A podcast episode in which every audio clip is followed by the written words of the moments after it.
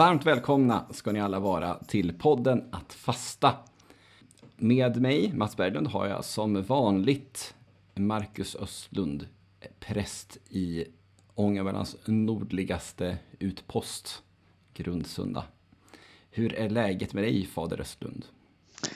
Ja, det, det är sjukt. Barn är sjuka, eller ett av dem, och, och fadern är sjuk. Men nu fick jag en muffins av min fru för att muntra upp inför detta avsnitt. Så jag tror att det ska gå lite bättre. Mm. Man, man, kämpar på i vintertider.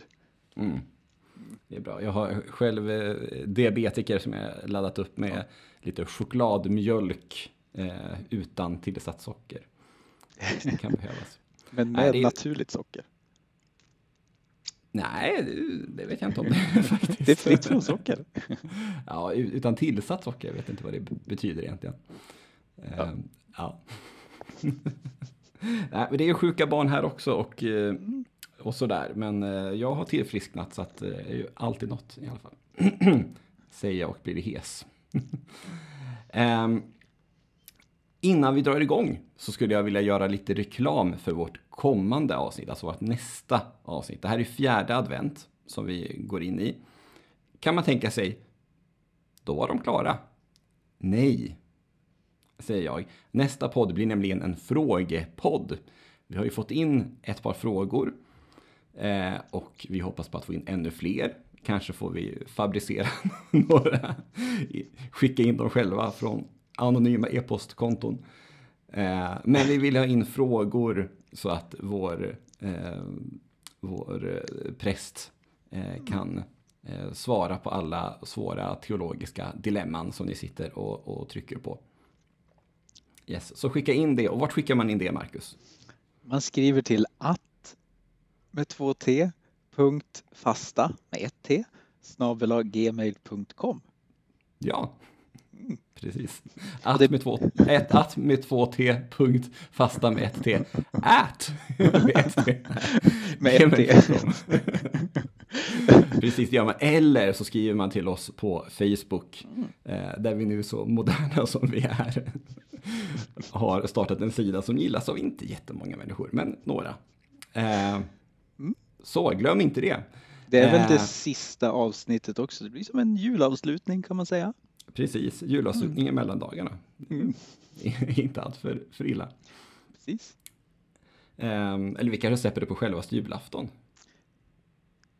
Kanske. Kanske. Mm. En julklapp.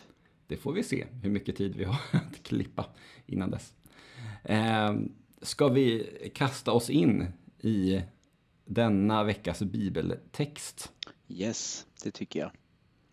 Vad är det för något? Um, ja, Eh, vi har redan konstaterat att adventstiden är lite speciell eh, för man tänker att allting ska handla om barnet som kommer på jul och så. Men det är ju inte riktigt så utan det är lite olika teman. Förra gången handlade det mycket om Johannes döparen eh, och så pratade vi om ja, det som hände under påsken när Jesus är, står inför förhör hos Pilatus. Och temat för fjärde advent är ju Herrens moder, alltså Maria. Men eh, både du och jag tänkte väl att eh, vi pratade ju faktiskt om Maria under eh, vårperioden här. Fastan då, för då är hon också aktuell. Grottade vi ner oss ordentligt. Ja, verkligen. Och det är i princip samma text från den gången. Så vill man höra mer om Maria så kan man leta upp det avsnittet som handlar om föräldraskap. Vi pratar en del om Josef också. Mm. Så då tänkte vi passa på att använda oss av en av episteltexterna, för det är tre texter varje söndag. En från Gamla Testamentet, en från eh, evangelien och en från Nya Testamentet, ofta från breven. Och epistel betyder ju brev. Så den här gången blir det episteltext och då är vi i Filipperbrevet eh, och dess fjärde kapitel, verserna 4 till och med 7. Och den låter så här. Gläd er alltid i Herren. Än en gång vill jag säga, gläd er. Låt alla människor se hur föredragsamma ni är. Herren är nära. Gör er inga bekymmer, utan när ni åkallar och ber, tacka då Gud och låt honom få veta alla era önskningar. Då ska Guds frid, som är mera värd än allt vi tänker, ge era hjärtan och era tankar skydd i Kristus Jesus.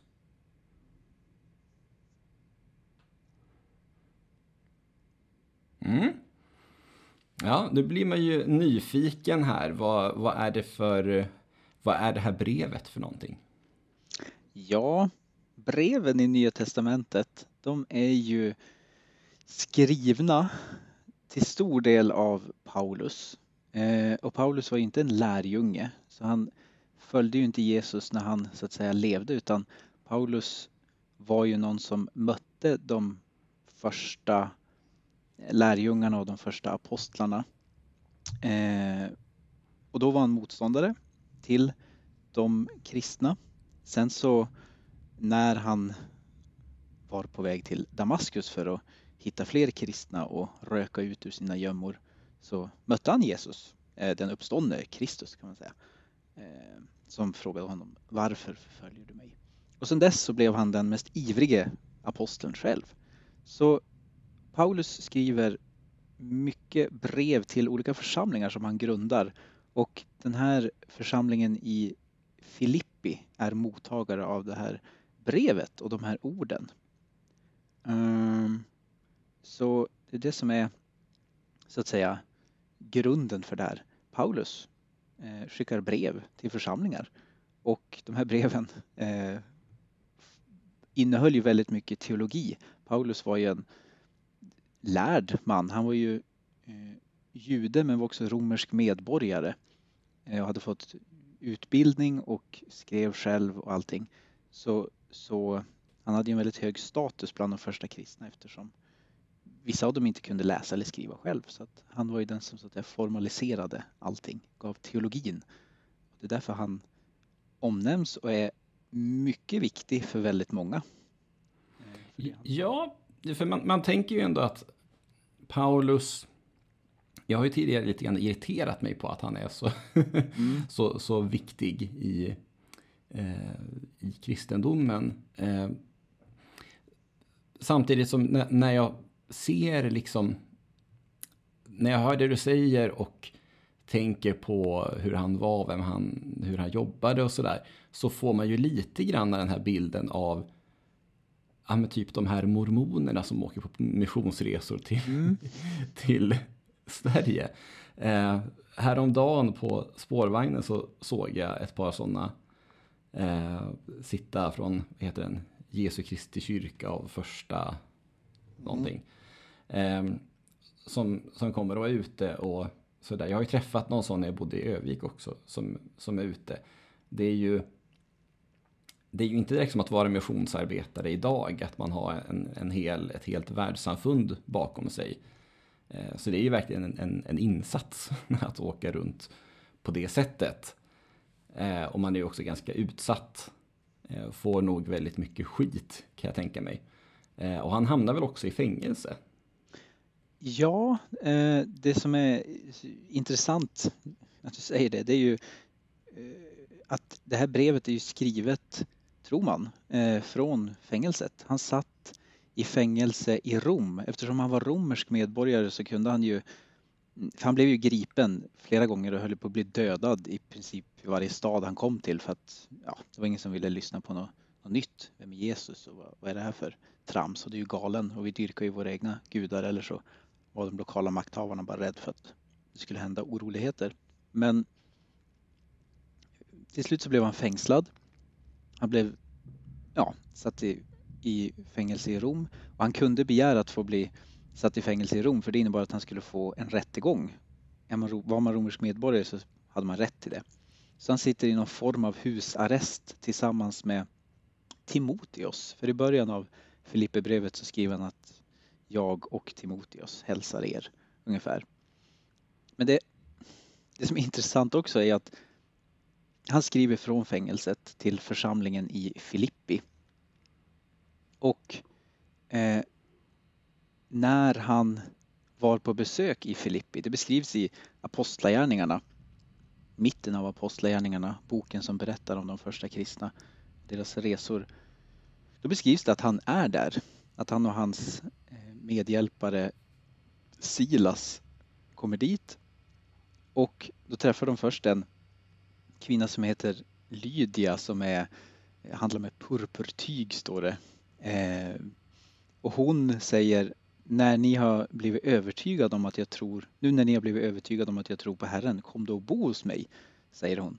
Och de säger nej men vi ska inte ta upp tid av dig. Och så står det att men hon gav sig inte så då kommer de och bo hos henne. Och sen träffar de, en, träffar de på en slavflicka som driver ut spådomsandar står det. Men de befriar henne från den här kunskapen och driver ut spådomsandar.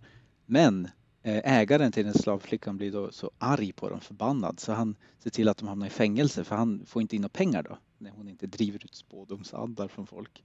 Och då blir de piskade och plågade och fastlåsta i benen och allt möjligt. Men sen så kommer en ängel och befriar dem. Och då blir ju alla rädda. Eh, och fångvaktaren blir livrädd. Han tänker att han ska ta sitt liv men istället så blir han hindrad av Paulus. Och, och fångvaktaren tvättar deras sår och han blir döpt och, och allting. Och sen, sen så, det blir en lång parentes men jag fortsätter ändå.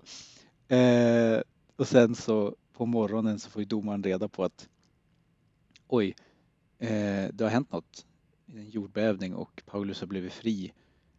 Eh, och så vill de att de ska liksom åka iväg.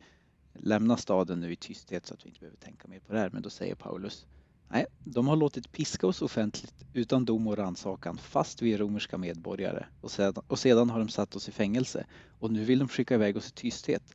Åh nej, de får själva komma hit och hämta oss. och först då så åker de iväg.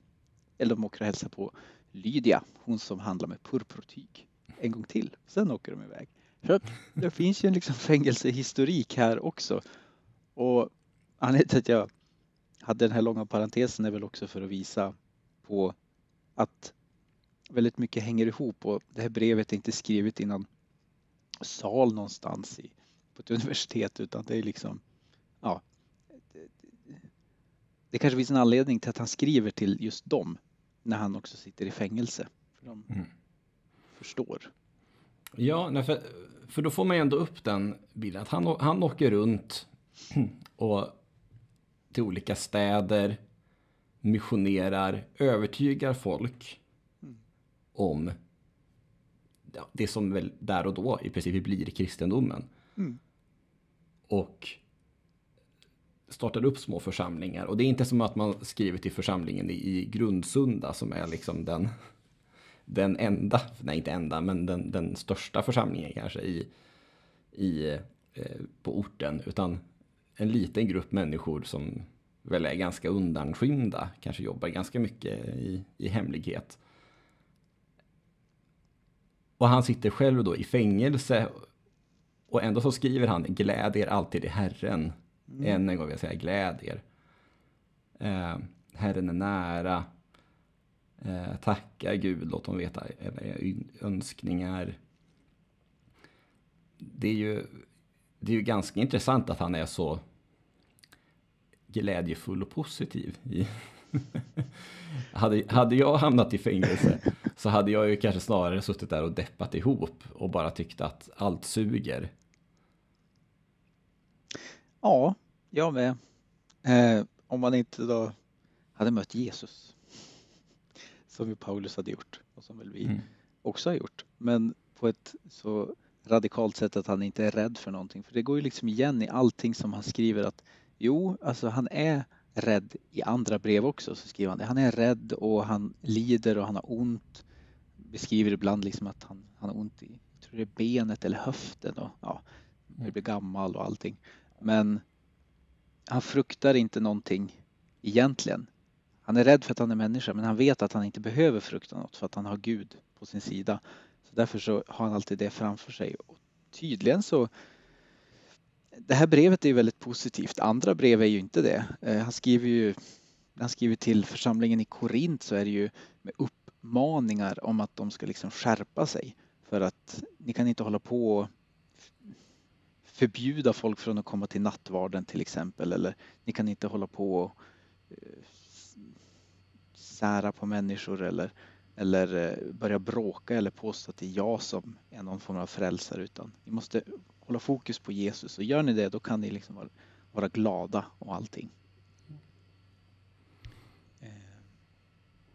Ja, för jag, jag tänker det. Vilka, vilka är han? Eh, Man, man hade ju gärna velat ha hela kontexten, det kommer vi ju aldrig få. Nej.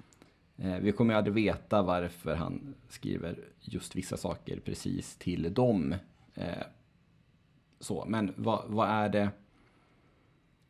Vilka är det som tar emot och läser det här brevet? För att de, som sagt, de var ju inte så många ändå kan man tänka sig. Eh, men han nämner väl en del personer vid namn också? Ja, han gör ju det. Och eh, jag gjorde lite research om man ska gå ännu längre tillbaka och bara ge en lite, lite större kontext på själva den här staden Filippi. Och eh, tydligen så är det någon form av gammal arméstad, alltså stad för veteraner. Eh, för det var ett stort slag och så grundade staden och där lever de här veteranerna, krigsveteranerna hyfsat välmående liv, har mycket jord att bruka och så ligger den här staden vid eh, Via Egnatia, en viktig kommersiell handelsväg. Så det är mycket liv och rörelse omkring, det är många som passerar, det är mycket idéer som kommer och går. Eh, ganska stor stad. Eh, ja, och ibland när vi tänker tillbaka på men hur var det förut och så, så kanske vi inbillar oss eller tänker att men folk var ju som ganska dumma i huvudet på den tiden. De visste ju inte någonting, de kunde inte läsa eller de kunde inte skriva. Men jag inbillar mig att folk har varit ganska likadana jämt oavsett om det har funnits digitala lösningar eller om det har funnits böcker eller om det har funnits pengar eller någonting. Utan man har känslor, man har tankar, man längtar efter saker även om man längtar efter andra typer av saker. Så försöker man se bortom horisonten och man undrar vad som finns där och allting. Så att på pappret kan det verka som att den romerska staten har liksom järnkoll överallt men i, i, praktiken så är det ju vanliga människor som lever i den här staden har ett eget liv och en egen vilja och just den här församlingen verkar ju som sagt vara ganska liten och ganska välmående och han nämner ju några namn som han hälsar till också. Och det är spännande. Mm. Eh, för det är Vilka ju, är det?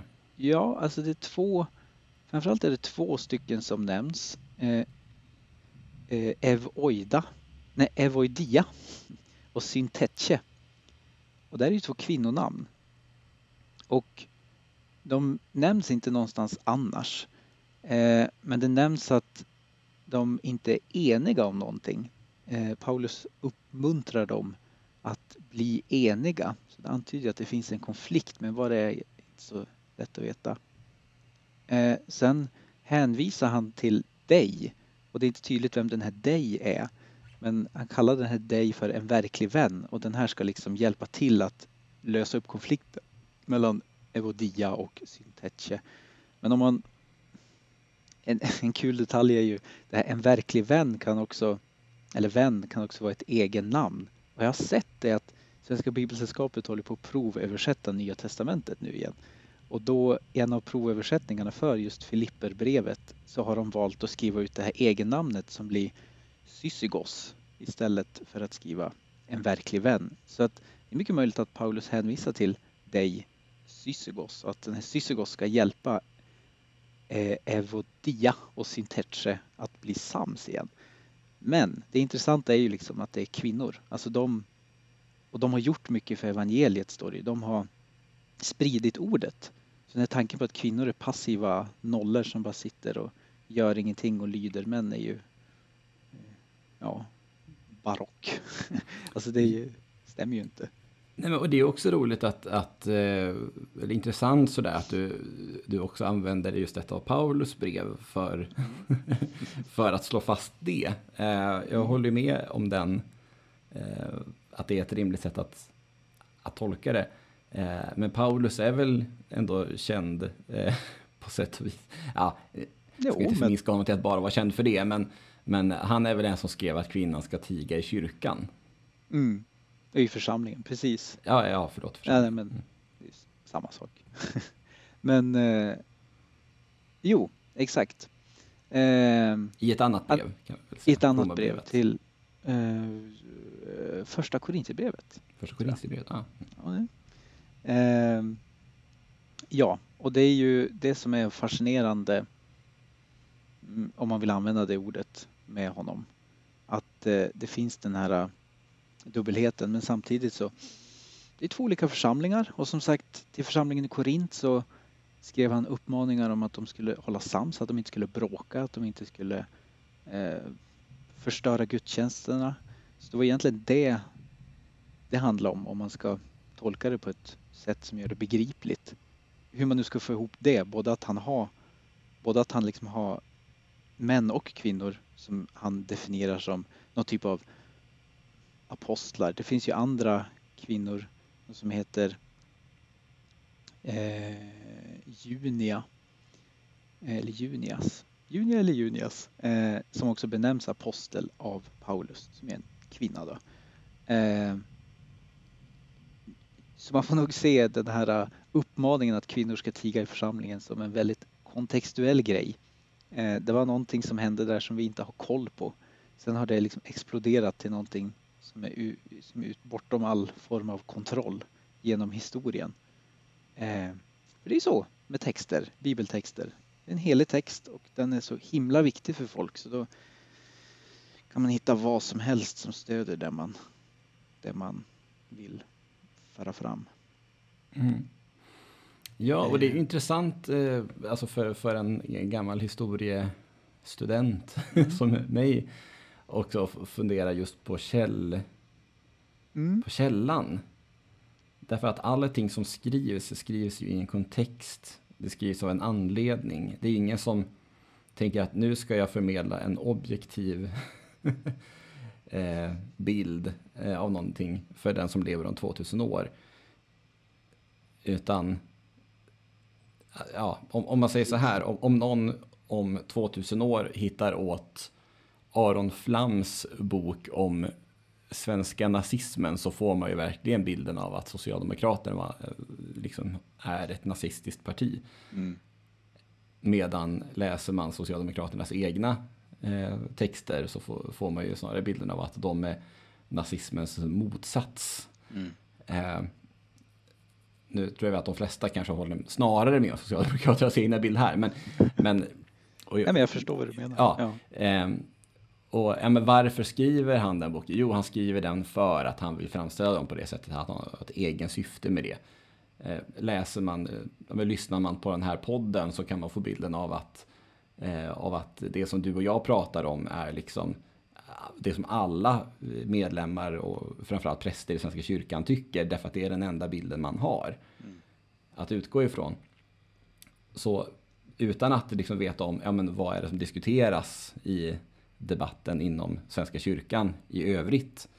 Eh, för det är klart att vi tar ju upp våra ämnen av en anledning. För att det är någonting som vi upplever eh, intressant. Det vill säga någonting som vi har hört någonstans ifrån. Eller, eh, eller tycker är viktigt, viktigt att adressera. Och det är ju samma sak med de här breven. Exakt. Exakt. Eh, och, och, och, det är så mycket detaljer som finns i de här breven också som på många sätt är eh, oförklarliga.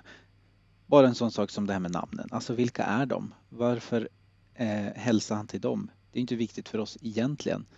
Eh, för att de man hälsar till visste ju, de visste ju vilka de var. Församlingsborna visste ju vilka de var och allting.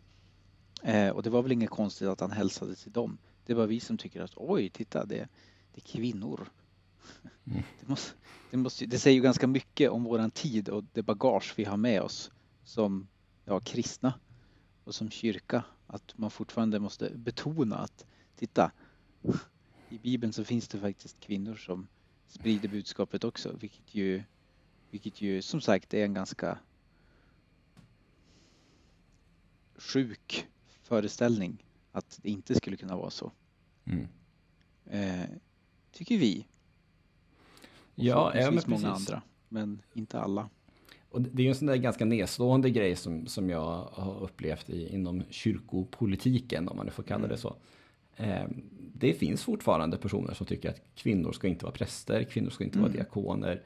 Eh, som knappt tycker liksom att, att eh, kvinnor får vara kyrkvärdar. Nej. Eh, med hänvisning till, eh, till just den raden i, mm. i, i det brevet.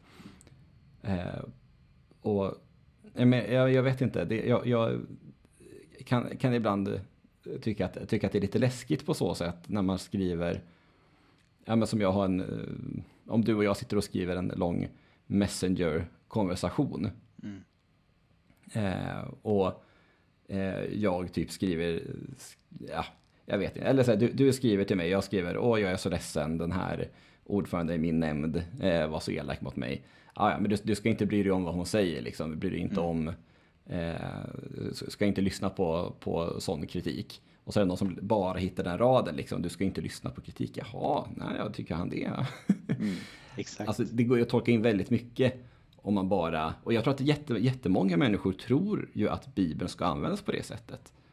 Man tar upp Bibeln, läser lite på måfå bara någon, någon rad och så ska man liksom ta med sig det och ha det i, i livet väldigt eh, praktiskt. Så. Mm. Men det funkar ju inte på det sättet. Och det är väl Nej. den här podden ett eh, bra exempel på, om inte annat. Ja men precis, och jag tror att det, för jag satt och funderade på det här att eh, för vi säger ju att nej, men man ska inte ta ut en rad och så säga att nej, men titta det står ju så här kvinnor ska tiga i församlingen. Det står ju så. Eh, och då är det så. Vi säger att så ska man inte göra. Gör vi samma sak när vi säger att titta det står ju att det är kvinnor som eh, sprider budskapet. Mm. Eh, fast vi gör ju egentligen inte det utan det vi, det vi försöker göra är ju att säga och upprepa i varenda avsnitt. Alltså kontextualisera allting. Sätt det här i ett större perspektiv. Han skrev jättemånga brev, 13 eller 12 av dem finns med i Bibeln. Sätt ihop allting. Jag hade någon liten utläggning, jag tror det var i påskavsnittet om, om eh, Markus också, att han nämns i olika brev och att alltså den som tror sig skriver Markus evangeliet och att om man letar efter hans namn och lite grann då hittar man, då kan man följa hans väg och hans resa. Men om man bara läser eh, ett av breven då tror man att han bara var med på den resan där. Sen ser man att oj, han har ju varit med på hela vägen här och han har varit med Petrus och han har varit med Paulus. Så att eh, det är det vi försöker göra. Så vi försöker i alla fall eh, acceptera att Paulus säkerligen kände ett behov av att säga åt kvinnorna i Korint att vara tyst. Av någon anledning som vi inte vet. Men det är alldeles uppenbart att han inte tycker att de ska vara tyst eh, i Filippi. För där gör de ett bra jobb. Där eh, innebär deras icke-tystnad att evangeliet sprids och att budskapet förkunnas. Så där hyllar han att de pratas. Eh, så vi förnekar inte att det står att han tycker att de ska göra det i Korint. Men jag tror inte att han tyckte det ett år senare när han skrev andra Korinthierbrevet. Mm. Nej, precis. Och jag, jag, jag, tänker lite det. För att, nu skriver han ändå det här brevet till församlingen och där ingår ju de här mm. kvinnorna eh, också. Och han skriver till dem att de ska glädja sig. Mm. Gläd er till Herren en, en gång, vill jag säga. Gläd er. eh, vad, vad, är, vad är eh, de ska vara så himla glada över?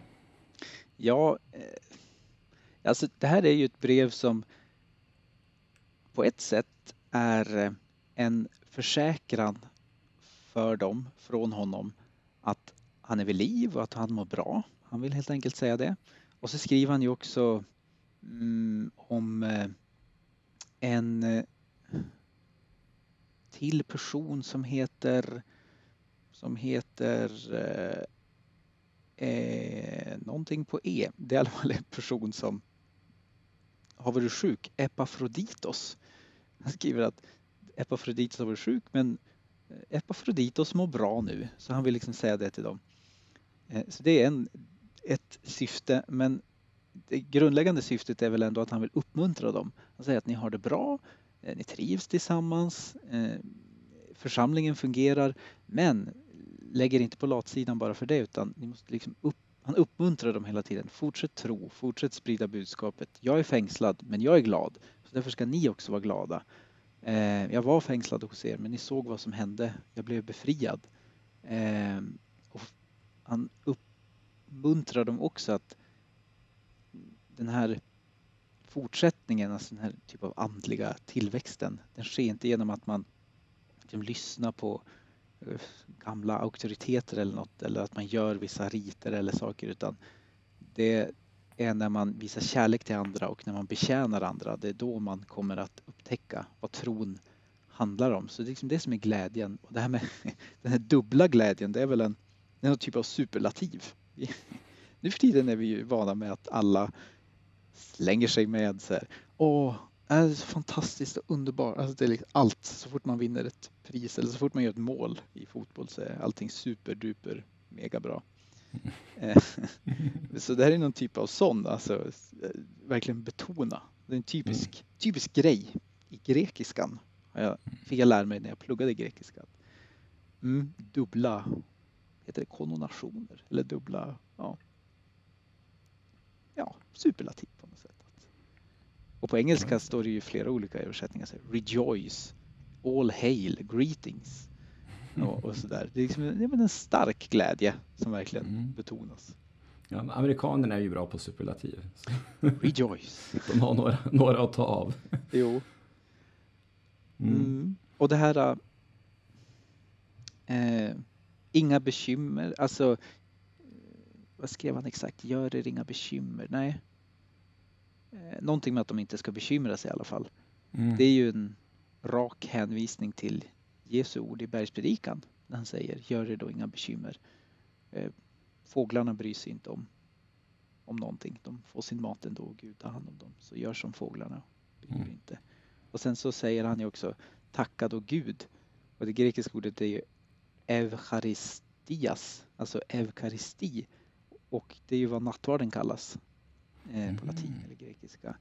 Eh, så tacka Gud, tacksägelse, thanksgiving. Det är det vi gör i nattvarden. Liksom, eh, det är det han uppmuntrar dem att göra också. Var glada som att ni firar nattvard hela tiden. Eh. Ja, för att det, det, kan ju tolkas alltså lite glättigt. Mm. Sådär. Eh, lite som eh, folk som har sådana här vita träbokstäver hemma i bokhyllan där det står lycka. och så, lite glättigt, eh, lite så här, ja, ja, jag vet, jag vet att jag ska tänka mer positivt. Mm -hmm. Och sådär. Men ska, ska man eh, tolka honom som en, en influencer? Eller finns det en djupare teologisk tanke med det där? Ingen influencer skulle jag säga, utan verkligen en djupare teologisk tanke. Det är snarare våran översättning som gör att det blir platt och lite tradigt. Eh, nu, nu har jag förmånen att, att kunna läsa grekiska rätt hyfsat och jag kan det fortfarande ganska bra. Ehm, eh, och jag fattar ju vad jag läser när jag läser det på grekiska och när man läser det på grekiskan så blir det liksom någonting helt annat. Eh, när man översätter det själv så använder man andra ord. Eh, som jag sa, gläd er! det låter ju inte så kul egentligen. Eh, mm. Men ja, om man går till engelskan då. Rejoice, alltså rejoice, alltså kom tillbaka till glädjen. Eh, mm. Eh, Just det. Precis. Kan, kan man eh, tänka sig att det är lite besläktat med den här TC-sången Tacka Herren. Ja. Eh, den, där är ju, jag är ju ingen hejare på latin så, men det, det är ju, vad heter den, confitemini domino. Mm. Eh, men på, om det är norska eller danska så är översättningen Sätt din lit till Gud. Mm. Alltså lita på Gud. Mm. Eh, och det är väl mer kanske den här fågelliknelsen som som Jesus hade då. Eh, alltså att det är någonstans i gränslandet mellan de översättningarna som man kan, kan hitta någon... Vi behöver, vi behöver ett ord för det här känner jag. Ja, vi behöver ett ord på svenska som liksom fångar in allting. Eh, inte glädjer utan eh, ja, men det har nästan med, med den här eh, hela grejen med att bli kristen att göra läser vi in väldigt mycket just de här två orden, men det tror jag att man ska göra också. För den Det här... är därför han säger dem två gånger. Exakt. Den här grejen att man, när man blir kristen, när man döps, eh, så går man liksom från död till liv. Eh, man är en gammal människa, sen blir man en ny människa när man blir kristen. Eh, gläd er, rejoice. Eh, det är nästan som en återuppståndelse, alltså uppväck er, återuppväck er, vakna nästan. Eh, vakna och inse bra ni Jehovas vittnens tidning som heter Vakna. Vakttornet, Vakttornet, vad är det som är Vakna? Då? vakna, är det mormonerna? Kan det vara? Vakna! Jag, jag, är snart, jag är snart infångad av dem. Nej men eh, vi, vi fortsätter söka efter ordet. Men eh, jag tror jag, jag tror det finns eh, ett oerhört djup i det här och eh, brevet är inte långt. Det är bara fyra kapitel. Det här är ju i slutet av brevet så han avslutar med några, några fina hälsningar till folk och, och till hela församlingen. Eh, och, och djupet är ju just det att den här glädjen handlar om att möta Kristus. Den handlar om att möta Jesus som han själv gjorde. Han var någon som förföljde kristna. Han var någon som förföljde Jesus. Sen när han mötte honom så blev han förvandlad. Han gick från att leva ett liv i, i skam och skuld och blindhet och död och förnedring och allting till att visserligen bli jagad hela tiden och hålla på att bli stenad och allting men ändå eh, i sitt inre så att säga veta att men, oavsett vad som händer så är jag i alla fall ja, trygg. För Jesus är med mig. Inte för att jag är bättre än någon annan utan för att jag följer Jesus. Mm. Och då tänker jag att det är ju ett, ett eh, ultimat och väldigt extremt exempel på eh, förlåtelsen. Både att man kan få förlåtelse och att man kan eh, ändra sig och försöka göra gott Jo, istället. Man kan väl säga att han var den första påven. eh, man kan säga att Petru, Petrus var den första påven. Mm, Petrus var den första påven. Men han var definitivt och på Namn på alla P. sätt och vis den, den första teologen. Just det, just det. Jag tänkte göra en jättesnygg övergång nämligen till veckans topp tre. Ja, men pa Paulus, Paulus och Petrus var ju, var ju som kompisar. Och, och, övergången kan vara den här. Han hänvisar ju, eller hälsar ju till en snubbe som heter Clemens också. Som du uppmärksammade. Och, och han är ju som i övrigt helt okänd. Han nämns ju ingenstans. Men enligt traditionen så var han en av Roms första biskopar. Mm. Och där hittar vi övergången till veckans topp tre. Så vad var det du hade för utmaning till mig? Jag utmanade dig topp tre eh, nya ärkebiskopar i Sverige i och med att denna vår nuvarande Antje Jacklén ska gå i pension om ett år visserligen, men Mm. måste ju sondera terrängen. Mm. Precis, precis. Hon, hon, eh, Stefan Löfven fick ju sitta nästan lika länge. Han, han fick ju aldrig, aldrig sluta kändes det som. Precis. Mm. Eh, Ja. Ja, eh, precis. Och jag har faktiskt eh, kikat lite grann på vad folk tror Mm. om, eh, Spännande. om detta. Så jag vill börja med bubblare. Det första namnet som kom till mig, eh, det var eh, Åke Bonnier. Just det. Eh, som jag kände, så, här, men det, det känns som en, eh, vad är det, en skara Ja, exakt. stift som man är. Eh, som jag tänkte att ja, men det, det känns ändå som en, en eh, person som är, Kandidat som. ja, ja, men så här trygg och eh, ja, eh, jag tyckte att det borde, borde kunna, kunna funka. Men han var inte med på så många. Eh, så att han får vara en, han får vara en bubblare. Eh, och så tänkte jag, vi skulle ju tänka lite utanför boxen. Sa vi. Ja, det, är alltid kul. Det vill säga ut, utanför nuvarande eh, hed, eh, hed, nuvarande herdarna. Ja. För att utse en herde bland herdar. Eh, så på tredje plats eh, så tänker jag ta en före detta biskop, biskop emeritus. Eh, nämligen Tuulikki Koivunen Byström. Mm. Som jag ändå... Bylund. Eh, Bylund? Ja, ja. okej, förlåt. Rätt ska vara rätt. rätt ska vara rätt, det är helt riktigt. Eh, jag vill skylla på autokorrekt, men det var det Ja, nog inte. Så jag hade skrivit fel. Nej, ja. Tuulikki Koivunen Bylund. Eh, före detta eh, biskop i Härnösands stift. Eh, var ju våran biskop under vår ungdom. Eh, I övrigt kanske mest känd för att hon var någon typ av domprost eller någonting i Uppsala domkyrka och eh, upplät då eh, Ecce Homo, eller domkyrkan åt Ecce Homo-utställningen. Eh, som var ändå en viktig milstolpe för, för mycket i både samhälle och kyrka. Väldigt, väldigt varm person har jag fått bilden av. Det tycker jag ju att Antje Jackelén också är. Väldigt Eh, rolig kan jag ju meddela. Ja, det kan jag tänka mig. Hon antog ju mig och jag träffade henne en del just det. under min studietid. Så att, Ja. väldigt rolig och väldigt rak och väldigt orädd. Mm.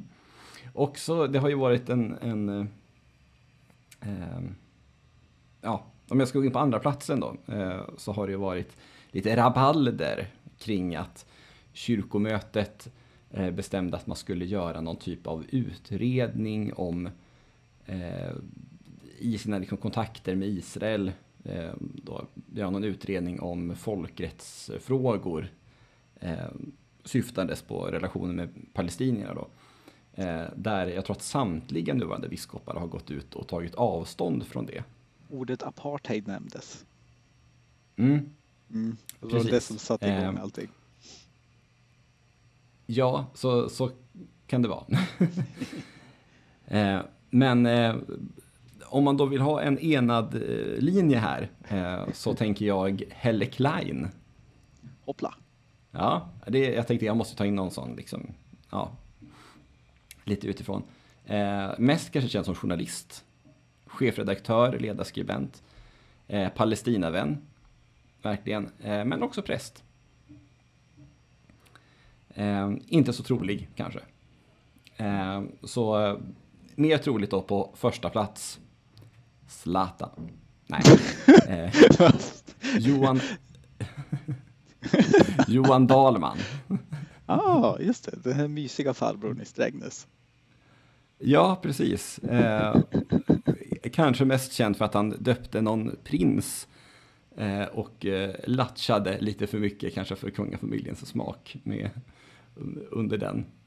Tappa inte barnet. Ungefär så. Jag tror eh, drottning Silvia såg lite, lite förskräckt ut eh, där ett tag. Men eh, också väldigt varm och eh, god eh, person som jag eh, tror hade kunnat, eh, kunnat ha ett eh, inkluderande ledarskap. Och har uppfattat det som att han har stort förtroende bland, bland resterande herdar också. Mm. Intressant. Intressant. Har vi någon som är samma? Nej. Jag hade, Nej. bullat, jag hade bullat upp med lite alternativ också. Ja, du hade det. Ja, för att liksom se vad du, vad du skulle komma med. Eh, men det, det, nu har jag för många. Men då gör jag så här. Eh, bubblare, säger jag då. Då Mm. väljer jag inte en, en nuvarande biskop. Utan då väljer jag mig själv. det vore väl jättekul om jag blev ärkebiskop. Ja, det är oväntat, skulle jag Ja. säga. Mest för att, för, att, för att lyfta den här grejen att man måste ju inte vara biskop. Eh, Men man kan måste ju- vara prästvigd. Ja, det måste man ju. Precis. Mm. precis. Man måste bli prästvigd innan i alla fall. Jag vet, var det Nathan Söderblom? Det var någon i alla fall som så här, inte alls var han var typ teologidoktor eller filosofidoktor och sen så, men han ska vara ärkebiskop och så blev han det för att riksdagen tyckte det på 30-talet eller någonting. Ja, det. ja, det var någon som funderade på Jonas Gardell, han får snabba på det. Ja, ja, han är ju, ja, jo men. Ja, precis. eh, Ja, men det vore ju kul. Det är ju, vi har ju bott i Uppsala så att vi, vi, vi, kan, ju, vi kan ju stiftet också. Eh, ärkebiskopen är både biskop i Uppsala eh, pastorat, inte Uppsala stift men Uppsala pastorat. Eh, ja. Och hela Svenska kyrkan. Det finns två biskopar i Uppsala. Eh, ja, men det skulle vara kul att vara ärkebiskop. Jag, jag hinner ju vara ganska länge också. Om du trivs. Eller, eller så gör jag en sån här, eftersom alla partiledare så unga nu för tiden, typ Gustav Fridolin. Nu är jag partiledare i sex år och sen blir jag lärare igen och sen startar jag ett eget företag och någon egen, ja, vad han nu kommer att göra resten av sitt liv. Mm. Uh, kan du doktorera i efterhand? Ja. Men, 20 år. ja, precis. Men om jag skulle, jag, jag tror att om jag skulle liksom, min, min största eh, vad heter det, grej. det skulle nog vara att jag skulle fokusera på liksom Svenska kyrkan helt och hållet. Jag skulle liksom kapa bort allt det här äh, internationella grejerna. Det kan andra hålla på med. Och så skulle jag säga, ja men nu, nu, nu ska vi fokusera här på, på Svenska kyrkan helt och hållet. Biskoparna har inte så mycket makt. Eh, man kan inte göra så mycket handgripligt. Läraren har vi som vi, jag är inte biskop, men läraren har de ju så att säga, inflytande på och makt över. Men, men inte faktiska beslut. Det är kyrkomötet som styr allting och så. Men eh, jag skulle tycka det var... Jag har tänkt det överlag. Skulle jag vara biskop på, på låg nivå, på låg nivå, i, en, i ett stift, då skulle jag ju göra sådana här eh, oanmälda gudstjänstbesök. Inte att man hela tiden åker på visitation och så är det fest, utan jag skulle liksom åka ut i Anundsjö eller Stigsjö eller Brunflo och sådär utan att säga att jag kommer för att se hur det egentligen är. Eh, utan att liksom skrämma upp dem för den skull men, men mer bara mm. Var det Karl den nionde eller var det Karl den elfte som var gråkappan ja, som åkte precis. ut i landet? Eh, undercover så att säga. Exakt, det är en förebild. Så det är ett, åtminstone ett tips till alla nu som smider planer på att bli ärkebiskop gör det. Åk ut mm. undercover och, och överraska församlingsborna. Och sitt med på kyrkan. Med lös skägg. Med lös skägg. Du behöver inte säga att du är ärkebiskopen. Du kan bara vara där så får du se om någon märker att du är det. Mm. mm. Mm. Så jag som bubblare röstar ja, på ja, mig. Det är bra. det var lite kul att det är ju faktiskt, eh, ja alltså det är ju, det är ju omöjligt, eller det är ju osannolikt men det är ju inte omöjligt. Mm. Det är som att du skulle bli partiledare. Det är inte sannolikt men det ja, vem vet. Mm. Vi får fortsätta ha podden när vi är ärkebiskop och partiledare. Precis. Ehm, men om jag ska gå in på den riktiga listan. Om jag tänker liksom tips, vilka tror jag ändå är mest sugna eller är mest troliga? Så skulle jag väl säga att tredje plats Fredrik Modéus i Växjö stift. Eh, lagom torr eh, gubbe. Eh, nu har det bara varit en kvinnlig ärkebiskop men jag tänker mig att folk tänker att nu har det varit en kvinna så då ska det vara en man. Så blir det en kvinna nästa gång. Man, bla bla bla sådär. Eh, han skriver böcker, han twittrar, han har skrivit sådana här eh, församlingsväxande böcker innan. Han är en sån här som gör mycket och, och verkar vara ganska liksom, inte, skulle inte säga nej om han blir nominerad i alla fall. Så håll ögonen öppna för Fredrik Modéus i Växjö stift. Eh, och håll koll på han i debatten. Han har ja, varit ute och svingat lite nu om, eller tidigare om det här med restriktioner i kyrkor och museer får ta emot folk men inte i kyrkor och så. Han har ju en bror som är biskop också i Linköping. Eh, eller de är mm. två bröder som är biskopar. Martin och Deus. det är ju det är grannstift också. Ja, precis. De tog varsitt. eh, ja, så det, det är tredje platsen. Tvåa eh, som jag inte tror är så trolig men som en intressant figur är Karin Johannesson i Uppsala stift. Ny biskop, bara ett par år. Eh, har eh, skrivit kopiösa mängder med saker eh, i skrifter och böcker och doktorerat och allt möjligt. Eh, men gjorde ganska mycket fina grejer under pandemin och sådär. Hon har, hade en filmserie som heter På kammaren, 52 avsnitt. Hon erbjuder en paus för andlig återhämtning och sådär. Ja men, ja, men det var uppskattat i alla fall av oss präster och så. Eh, och har inte mött henne men har hört henne några gånger. En väldigt sympatisk och trevlig människa. Eh, så henne eh, varnar jag för också. Men jag tror att den som jag ändå landar på som etta, som högst upp på min spaningslista får nog ändå vara Mikael Mogren.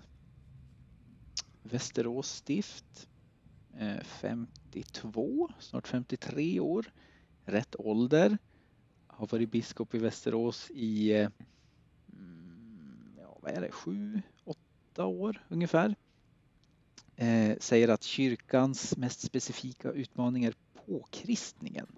Vi ska djupförankras i den levande guden så att vi får mod och kraft att vara ljus och salt i världen. Han är liksom både skarp men ändå vän och tar debatten i både tråkiga och utmanande frågor. Eh, och ser ganska trevlig ut också. Och sådär. Alltså trevlig, inte tilltalande. Han är inte dålig att vila ögonen på. Precis. Nej, men, så att jag, jag, jag, jag är lite lur på att i slutändan om ett år så kommer vi stå med Mikael Mogren som ärkebiskop. Det är mm. mitt stalltips. Och Fredrik. Modéus kommer glida in som god tvåa. Jag blev ju lite, lite inspirerad. Jag har ju suttit och googlat lite under tiden. Mm. Um, och ja, hans hjärtefrågor. Eh, kyrkans roll i det nya och förändrade Sverige. Lite trist, men ja, ja.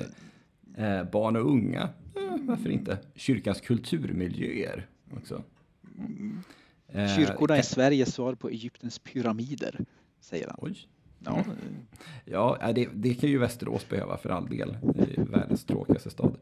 Eh, och kristet självförtroende det, det är ju faktiskt någonting som är lite inspirerande. Eh, man, man tänker ju lätt att det är liksom reaktionära krafter som, som pratar om det, men det, det behöver det ju inte vara. Nej. Det är väl jätterimligt att man ska kunna, alltså bara för att man är, är stolt och glad över sin egna tro behöver det ju inte gå ut över någon annans sätt nej. att leva. Liksom. Nej, nej. Eh, vi gestaltar och lever det obeskrivliga, det vi kallar Gud säger biskop Mikael. Det vi kallar Gud, men mm. ändå Gud. Mm. Mm. Och det är obeskrivligt, ja. men vi har ändå var lite slamkrypare det där måste jag säga. Ja, håll ögonen öppna för Mikael Mogren. Ja. Mm. Ja, jag har ju, har ju inte, jag kan inte säga att jag har träffat alla de, de här. Jag har ju, jag har ju sett dem nu mm. på kyrkomötet. Det är ju, och det är ju ganska fint. Man sitter ju jag berättade det för ett par gånger sedan. Man sitter ju lite grann som i, ungefär som i riksdagen, att man sitter ju inte tillsammans med sina nomineringsgruppskamrater, utan man sitter med sina stiftskamrater. Mm. Eh, så att jag, ja, och då sitter ju också eh, biskopen med från varje stift i, i bänkarna. Eh, det är ganska trevligt då, så kommer man dit och sätter sig och så, jaha, där var det en ny från Göteborgs stift, så kommer biskopen Susanne Rappman. Och, och eh, vet inte, jag tror inte hon tog i hand, hon var nog för, för pandemimedveten eh, för detta. Eh, men sådär så har man ju, så spanar man ju ändå lite grann vart man ser en, en rosa, eller violett mm. skjorta eh, någonstans. Där, där sitter de, biskoparna. Ja, men det är, ja, det är inspirerande. Då får vi se om ett år ungefär då. Precis. Om det blir Zlatan eller Marcus. Det låter ju lite grann som att man, man pratar om fotbollsspelare eller hockeyspelare när man Ja, men det är ju rätt ålder. Ja. Jag har ju inte varit med så länge, men jag tror, tror nog att... Ja. Driver rätt frågor. Ja, precis. Så, ja, ja, men självförtroende, ja, men det är bra. Vi måste bli lite mer morska. lite mer tyngd. i backlinjen. Det skulle nog Paulus hålla med om också. Lite mer självförtroende. Glädjer. Precis. Eh, du, eh, tiden rinner iväg. Vi har båda, mm. har vi båda olika andra möten som vi ska, ska vidare på. Möten med kollegor och medmänniskor. Mm. Mm. Eller vårdmöten. Eh, nej, men eh, ja, tack Marcus för den här eh, gången. Vi kan väl säga att nästa, eh, nästa gång är ju som sagt en frågepodd. Skicka in frågor. Eh, vi har ju också fått en, eh, en eh, ja, lyssnarfråga, fast det är ju egentligen en topp tre som vi har fått då inskickat. Eh, också från Grundsundavallen, man kan nästan tro att det är någon du känner eh, som undrar över våra topp tre favoritpersoner från Bibeln, förutom Jesus. Mm. Eh, vi väntar också med att, eh, vi har ju fått ett svar då från, från Evelina. Eh, men jag tänker vi väntar med det till nästa vecka också. Så får alla stora mängden av lyssnare fundera själva till eh, nästa avsnitt. som vi får se när det kommer. Tack Marcus för denna vecka. Eh, tack för att ni har lyssnat och på återhörande.